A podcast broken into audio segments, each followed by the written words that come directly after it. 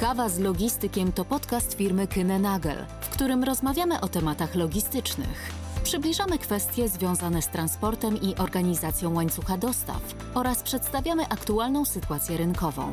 Po to, byś zawsze był na bieżąco dla swojego biznesu. Zapraszamy do wysłuchania.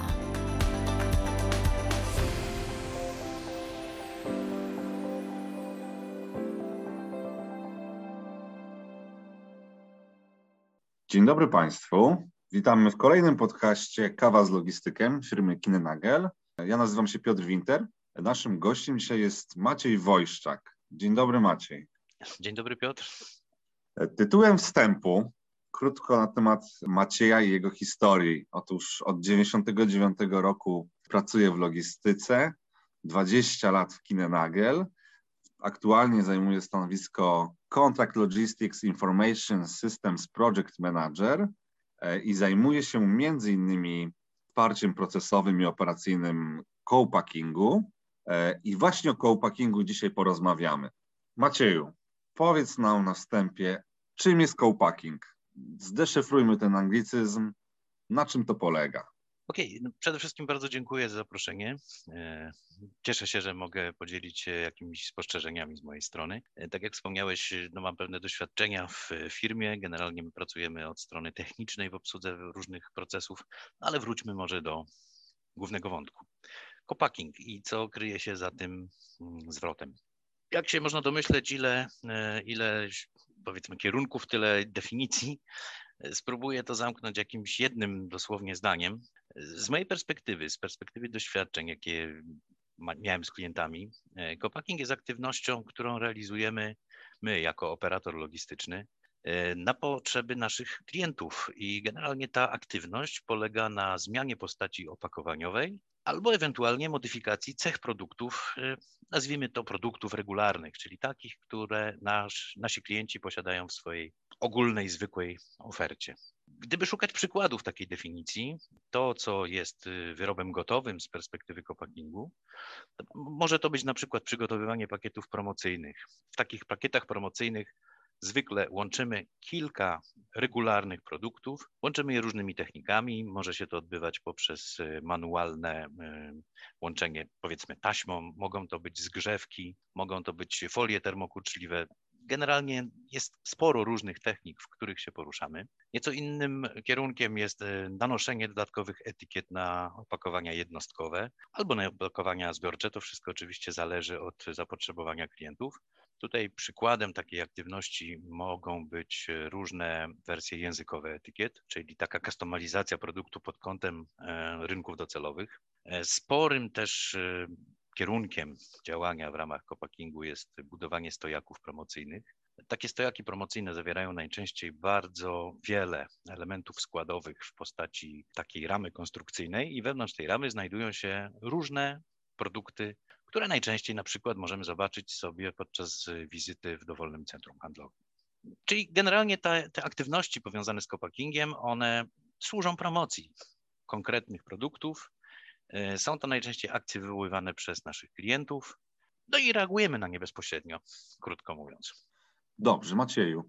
Czyli żebym, żebyśmy dobrze zrozumieli, takie rzeczy jak, e, jak kupuję szczoteczkę do zębów i druga jest gratis, to rozumiem, że to jest też w zakresie co-packingu i ktoś w naszych magazynach e, obwija taśmą klejącą dwie szczoteczki i nakleja dodatkowy kod, tak? Na przykład. Albo inny, inny podobny troszeczkę przykład, y, powiedzmy sobie takie pakiety okolicznościowe, świąteczne. Na pewno każdy z nas widział coś takiego na półkach w sklepach. Mamy kartonowe pudełeczko, które zawiera no nie, na przykład szampon, krem, y, jakiś inny kosmetyk. I zwykle te elementy składowe w postaci e, produktów regularnych, one są magazynowane w ramach kontraktów prowadzonych z naszymi klientami. Aktywnością copackingową w tym wypadku jest zbudowanie takiego pakietu promocyjnego, zapakowanie tego w odpowiednią postać. Oczywiście spaletyzowanie takiego wyrobu gotowego i umożliwienie bezpiecznego transferu takich produktów do odbiorców. Rozumiem, rozumiem. Mówiłeś też o stendach, więc sobie od razu jakoś wyobraziłem w głowie stędy z przyprawami. Czyli to jest tak, że przyjeżdżają stędy i przyjeżdżają te przyprawy, na przykład przyprawy oddzielnie i y, ludzie po kolei w każdy ten z tysiąca standów wkładają te przyprawy, każda inna, tak? Zdecydowanie tak. Co więcej, Stędy to taka aktywność, w której bardzo często każdy z poziomu budowanego stędu zawiera zupełnie inny schemat pakowania, tak bym to może nazwał. Może to na przykład oznaczać, że, żeby wrócić do takiej analogii przyprawowej, że na pierwszym poziomie mamy tylko paprykę i pieprz. Mhm. Ale w podziałach po 50 torebeczek, powiedzmy. Na, na, wyższym poziomie to już może być coś zupełnie innego, czyli może się tam znajdować nie wiem, bazylia, majeranek. A na trzecim poziomie opakowania szklane z przyprawami. Takie aktywności też się zdarzają. Więc naszą aktywnością, to co my oferujemy klientowi, to przede wszystkim w ramach regularnych produktów przechowywanych na magazynie e, transferujemy taki, taką postać surowcową do obszaru copackingu. Następnie mm, korzystamy z dostawców specjalnych materiałów opakowaniowych. Nieraz tego typu materiały opakowaniowe są wywoływane przez naszych klientów, Nieraz tego typu aktywności e, musimy mm, zorganizować samodzielnie, ale najczęściej jest to y, ukierunkowane mm, przez klienta. To znaczy, klient decyduje się na postać graficzną, rodzaj takiego stędu. My otrzymujemy ten stęd w kawałkach, w elementach pojedynczych. E, składamy ten element konstrukcyjny i wypełniamy go zgodnie z przepisem e, z no, pakowania, można tak to nazwać. My tak roboczo nazywamy to specyfikacją pakowania po prostu. Rozumiem. Ciężko mi sobie to wyobrazić w takiej dużej skali, ale to powiedz nam, dlaczego tego nasz, nasi klienci, czy w ogóle producenci nie realizują w swoich fabrykach? Dlaczego te, ten co-packing zleca się na zewnątrz? W czym rzecz? Można nawet spróbować odwrócić to pytanie. Dlaczego mhm albo jakie warunki trzeba spełnić, żeby realizować to samodzielnie. Przede wszystkim trzeba pamiętać o tym, że bardzo często tego typu akcje mają charakter sezonowy albo okolicznościowy, powiedzmy. Czyli mamy wywoływanie akcji promocyjnych związanych z konkretnym powiedzmy cyklem kalendarzowym, na przykład jakieś pakiety czy też stędy związane z okresami świątecznymi. I żeby przeprowadzić sprawnie tę akcję, najczęściej jest to spory wolumen, który trzeba zrealizować w dość krótkim czasie co oznacza, że trzeba na potrzeby takiej akcji dedykować przestrzeń do wykonania tego typu aktywności. Należy też y, mieć zapewniony stosowny personel, który tego typu przepakowania może wykonać.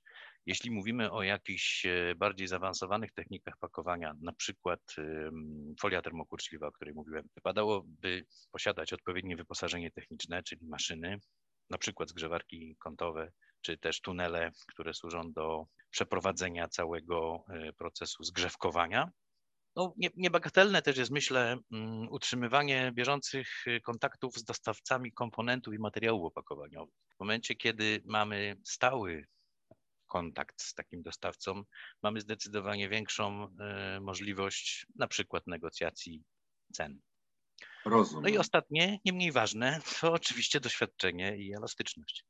Myślę, że to są takie najważniejsze czynniki, które no, powinny decydować e, w pierwszym kroku podczas podejmowania decyzji, czy warto robić to samodzielnie, czy też lepiej poszukać na rynku specjalistów. Rozumiem. Macieju, a co jeśli chodzi o wsparcie maszyn? E, macie jakieś doświadczenia? Mamy też pewne doświadczenia z kobotami.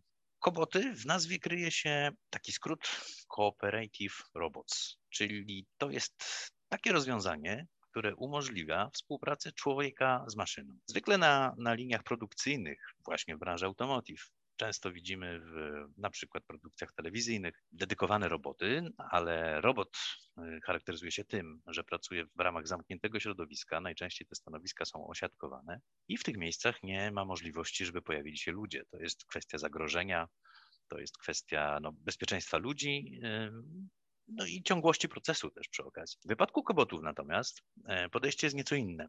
Kobot z definicji jest skonstruowany do tego, żeby z człowiekiem współpracować. Oznacza to mniej więcej tyle, że jeśli mamy do dyspozycji ramię, co więcej, funkcję tego ramienia y, można modyfikować. I w tym konkretnym ramieniu zmienimy rodzaj chwytaka, które ma na przykład y, zapewnić nam formowanie jednostki paletowej z pojedynczych kartonów. Powiedzmy, że nazbroimy takie ramię, mamy odpowiedni chwytak, który będzie mógł przemieszczać kartony. E, w momencie, kiedy aktywność kobota jest w toku, oprogramowana aktywność kobota, bo my deklarujemy, jak wiele kartonów ma znaleźć się na warstwie palety i wyobraźmy sobie, że ktoś w czasie pracy tego kobota znajdzie się y, w jego zasięgu. E, automatyka kobota i jego wyposażenie techniczne działa w ten sposób, że w momencie, kiedy napotka na opór, na przykład taki nieoczekiwany udział użytkownika, e, ruch się wstrzymuje albo jest cofany. Do tego stopnia nawet, że można spowodować y, po prostu manualnym działaniem człowieka przemieszczenie ramienia w inną pozycję, wstrzymanie jego akcji i rozpoczęcie od tego momentu wstrzymanego. Więc jeśli chodzi o koboty, to, to taka in, no, ciekawa innowacja, którą testowaliśmy w kilku elementach procesów. Rozumiem. To, to, to bardzo ciekawe. Powstał, powstał taki obraz tego, że co-packing to jest taka mała fabryka. I tak do tego trzeba podchodzić. No, oczywiście też um, oprócz tego, że sam co-packing to budowanie pakietów, to no, spójrzmy na cały proces z perspektywy ogólnej logistyki. Jeśli mówimy o przemieszczeniach opakowań, o budowaniu nowych jednostek, to oczywiście takim przemieszczeniom musi też towarzyszyć odpowiedni przepływ informacji oprócz przepływu towarowego. E, no i tutaj z kolei jest bardzo, bardzo duża mm, obszar do popisu, jeśli chodzi o dział, w którym ja pracuję, czyli działa jest. W naszym dziale my Wspieramy wszelkie aplikacje, które pozwalają na gromadzenie danych o surowcach, które wchodzą w skład wyrobów gotowych. Tego typu informacja jest szczególnie istotna dla naszych klientów z obszaru FMCG na okoliczność potencjalnego wycofania towaru z rynku. Bardzo często, no może to jest złe słowo bardzo często, ale wymagania klienta formułowane są w ten sposób, że my musimy zareagować szybką informacją w postaci dany numer palety, dany numer SSCC do jakich akcji promocyjnych finalnie został wykorzystany. I powinniśmy zwrócić mm, całą listę palet, które zawierały ten konkretny surowiec. Więc y, rozwiązania wspierające rejestrację i powiązanie numerów y, jednostek logistycznych to jest właśnie to, czym zajmujemy się na co dzień. To, to wszystko brzmi jak bardzo skomplikowany proces. Y, powiedziałeś o tych innowacjach. Macieju, jak uważasz, y, czy to nie jest przypadkiem tak, że za kilka, może bardziej kilkanaście lat człowiek w co-packingu będzie już niepotrzebny i zostanie wyparty przez właśnie te nowoczesne maszyny? Wydaje mi się, że niekoniecznie. Na pewno maszyny będą wspierać nas coraz bardziej. Maszyny będą niektóre elementy procesów y, ułatwiać, ale człowiek jest tam jednak też bardzo istotnym ogniwem w całym tym procesie wydaje mi się, że główny, główny powód takiego podejścia to jest coraz większa dynamika zmian rodzajów produkcji. Kiedy znów powołam się na przykład naszego standu, kiedy mówimy o tych standach i dużych akcjach zaplanowanych na przykład na święta, to najczęściej jest bardzo duży wolumen powtarzalnych czynności to idealnie mogłoby być wkomponowane w aktywność maszynową. No, skomplikowanym tutaj elementem jest złożoność wypełnienia półek w różnych wariantach i, i rodzajach. E, różne rodzaje opakowań. Nieraz to mogą być pojedyncze woreczki z przyprawami, tak jak powiedziałeś, nieraz to mogą być okrągłe pojemniki z kosmetykami, innym razem to mogą być nie wiem, miękkie opakowania prostopadłościenne, więc stopień umaszynowienia tego typu e, czynności, on może być kłopotliwy. Dodatkowo dochodzi jeszcze ten element, że kiedy już mamy finalne rozwiązanie obsługiwane przez rozwiązanie maszynowe, jakakolwiek zmiana czy konieczność e, wprowadzenia do szybkiej produkcji innego wariantu produktu, to konieczność przezbrojenia takiej linii. To zabiera czas. Z tej perspektywy manualne aktywności są jednak bardziej elastyczne. Więc wszystko bardzo zależy. Wszystko bardzo zależy od tego, o jakim wolumenie mówimy, o jakiej specyfice akcji przepakowaniowej e, Jasne. rozmawiamy i no, z czym mamy do czynienia, mówiąc krótko.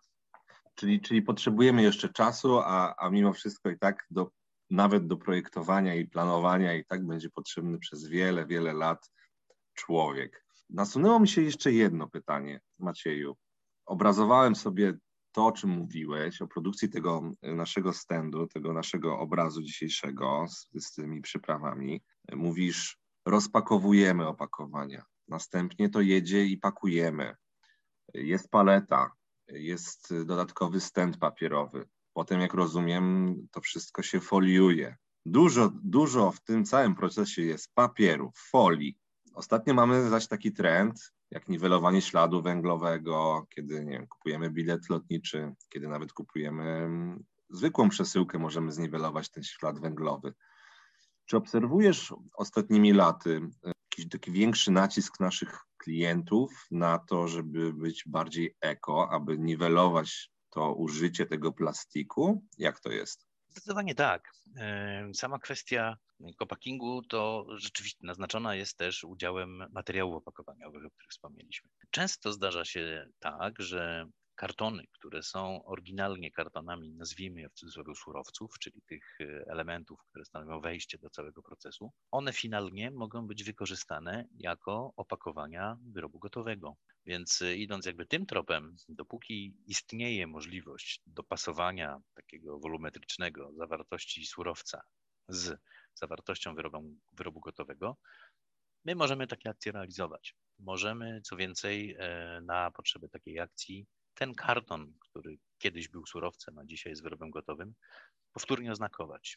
Przeetykietować zawartość informacji, która na tym kartonie oryginalnie się znajdowała. I z tej perspektywy rzeczywiście da się zauważyć tego typu tendencje, że staramy się, tak upraszczając bardzo, generować coraz mniej śmieci. Jeśli chodzi o kwestie tworzyw sztucznych, na miejscu powiedzmy folia pozyskana z oryginalnej zgrzewki, ona nie może być w prosty sposób szybko przetworzona przez nas. Ale żeby z kolei sprostać tutaj takiemu bardziej optymalnemu gospodarowaniu rodzajem materiału opakowaniowego, mamy e, linie odprowadzające odpady. I te linie odprowadzające odpady kierują konkretny strumień odpadu do kompaktorów, które znajdują się na zewnątrz magazynu.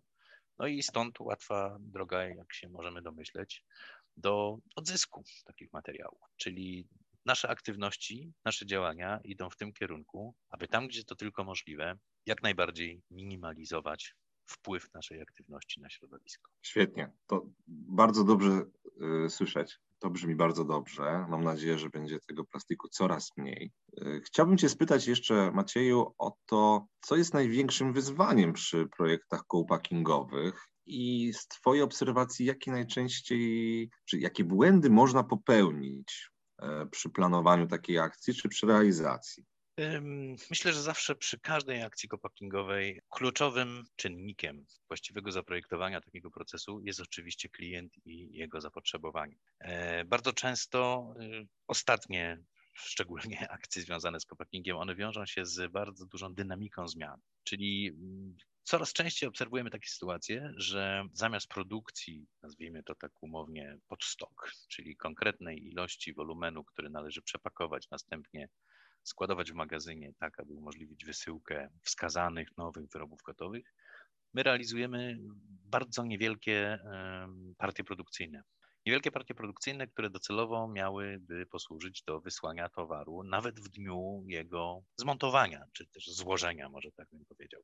Mhm. Więc jeśli mówimy o stopniu utrudnień, to ta dynamika, myślę, to jest największa, największy czynnik, z którym trzeba się dziś mierzyć, z którym trzeba się zastanowić, e, jak w optymalny sposób dostosować się do zapotrzebowania klienta. E, i, i, na jakim etapie całego procesu e, no, można wykorzystywać nasze zasoby, czy to maszyny, czy to przestrzeń, czy, czy za, zaangażowanych e, w całą akcję pracowników. No, niestety obserwujemy też jeden z wpływów, który komplikuje nasze aktywności, mam na myśli COVID. W związku z COVID-em no, mamy do czynienia z restrykcjami wszelkiego rodzaju, więc to też ma jakby odzwierciedlenie w organizacji pracy, w potencjalnym ustawieniu wzajemnym pracowników, którzy znajdują się na linii. No, krótko mówiąc, prowadzi do tego, że e, dziś w stosunku do tego, co było powiedzmy rok temu, e, my musimy zapewnić większą przestrzeń między, między ludźmi obsługującymi proces. To może też wiązać się z wydłużeniem czasu. Więc e, jeszcze raz wracając do głównego pytania, co jest największym wyzwaniem? Dynamika reagowanie na bieżąco na wszelkie, niejednokrotnie niezwiązane z biznesem, jak widzisz, czynniki. Czynniki pochodzące z otoczenia, tak bym to skwitował. Tak jest. To może wróćmy do, do tych samych początków. E, pracujesz w Kinenage już przeszło 20 lat. Czy możesz nam powiedzieć, jak to się wszystko zaczęło? Jak wyglądał co-packing 20 lat temu? No bo on chyba już był, czy może go nie było? Powiedz nam, jestem bardzo ciekaw. No rzeczywiście, jeśli chodzi o początki mojej pracy, mm, to już wtedy dało się zaobserwować e, wstęp realizowania copackingu w ramach usług świadczonych przez operatorów logistycznych. Co prawda na przestrzeni tych lat y, troszeczkę inna była świadomość. Jak sobie możecie łatwo wyobrazić, generalnie tak y, działało to na samym początku, że zwykle producent danego towaru zwykle zajmował się zarówno dystrybucją, transportem, produkcją, y, organizowaniem opakowań itd. Tak itd. Tak Kiedyś sam proces produkcji skoncentrowany był w samym źródle. W momencie, kiedy jakby świadomość klientów i rozwój łańcucha dostaw zaczęła być zauważalna również u nas, pojawiło się zaopatrzenie, zapotrzebowanie na usługi. I to jest właśnie to, od czego zaczynaliśmy. Najczęściej i te 20 lat temu tak to wyglądało, że współpracując z, z klientem właśnie z obszaru FMCG, My na początku świadczyliśmy po prostu usługi magazynowe, po prostu w takim znaczeniu, że obsługiwaliśmy strumień towarów pochodzących z fabryk.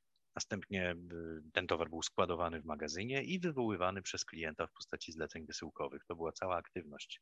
Stopniowo w ramach upływu czasu klient spostrzegł taką możliwość i taką szansę zlecenia operatorowi logistycznemu wszelkich przepakowań, no, widząc oczywiście w tym sporo korzyści. Na przykład y, nie trzeba transferować surowców do innych miejsc. No, teoretycznie można byłoby to robić u siebie na miejscu w zakładzie produkcyjnym, no ale najczęściej jest y, to realizowane w ten sposób, że zakład produkcyjny jest zbudowany na miarę, czyli tam o wolną przestrzeń do prowadzenia dodatkowych, świeżych akcji nie zawsze jest łatwo. Więc jakby zamykając trochę te, te wspomnienia, Copaking y, istniał zawsze. Na samym początku był realizowany przez samych producentów, później e, przeniósł się na operatorów logistycznych. No i mówiąc krótko, ja byłem jakby świadkiem coraz większego rozwoju tych aktywności po stronie operatorów logistycznych. Okej, okay, rozumiem. Dobrze, mamy już pełen obraz z zakresu 20 lat co-packingu. Macieju, być może słuchają nas osoby, które stoją przed y, decyzją zlecenia takiej akcji co-packingowej w firmie logistycznej. Czym powinniśmy się kierować przy wyborze partnerskiej firmy do tego typu zleceń?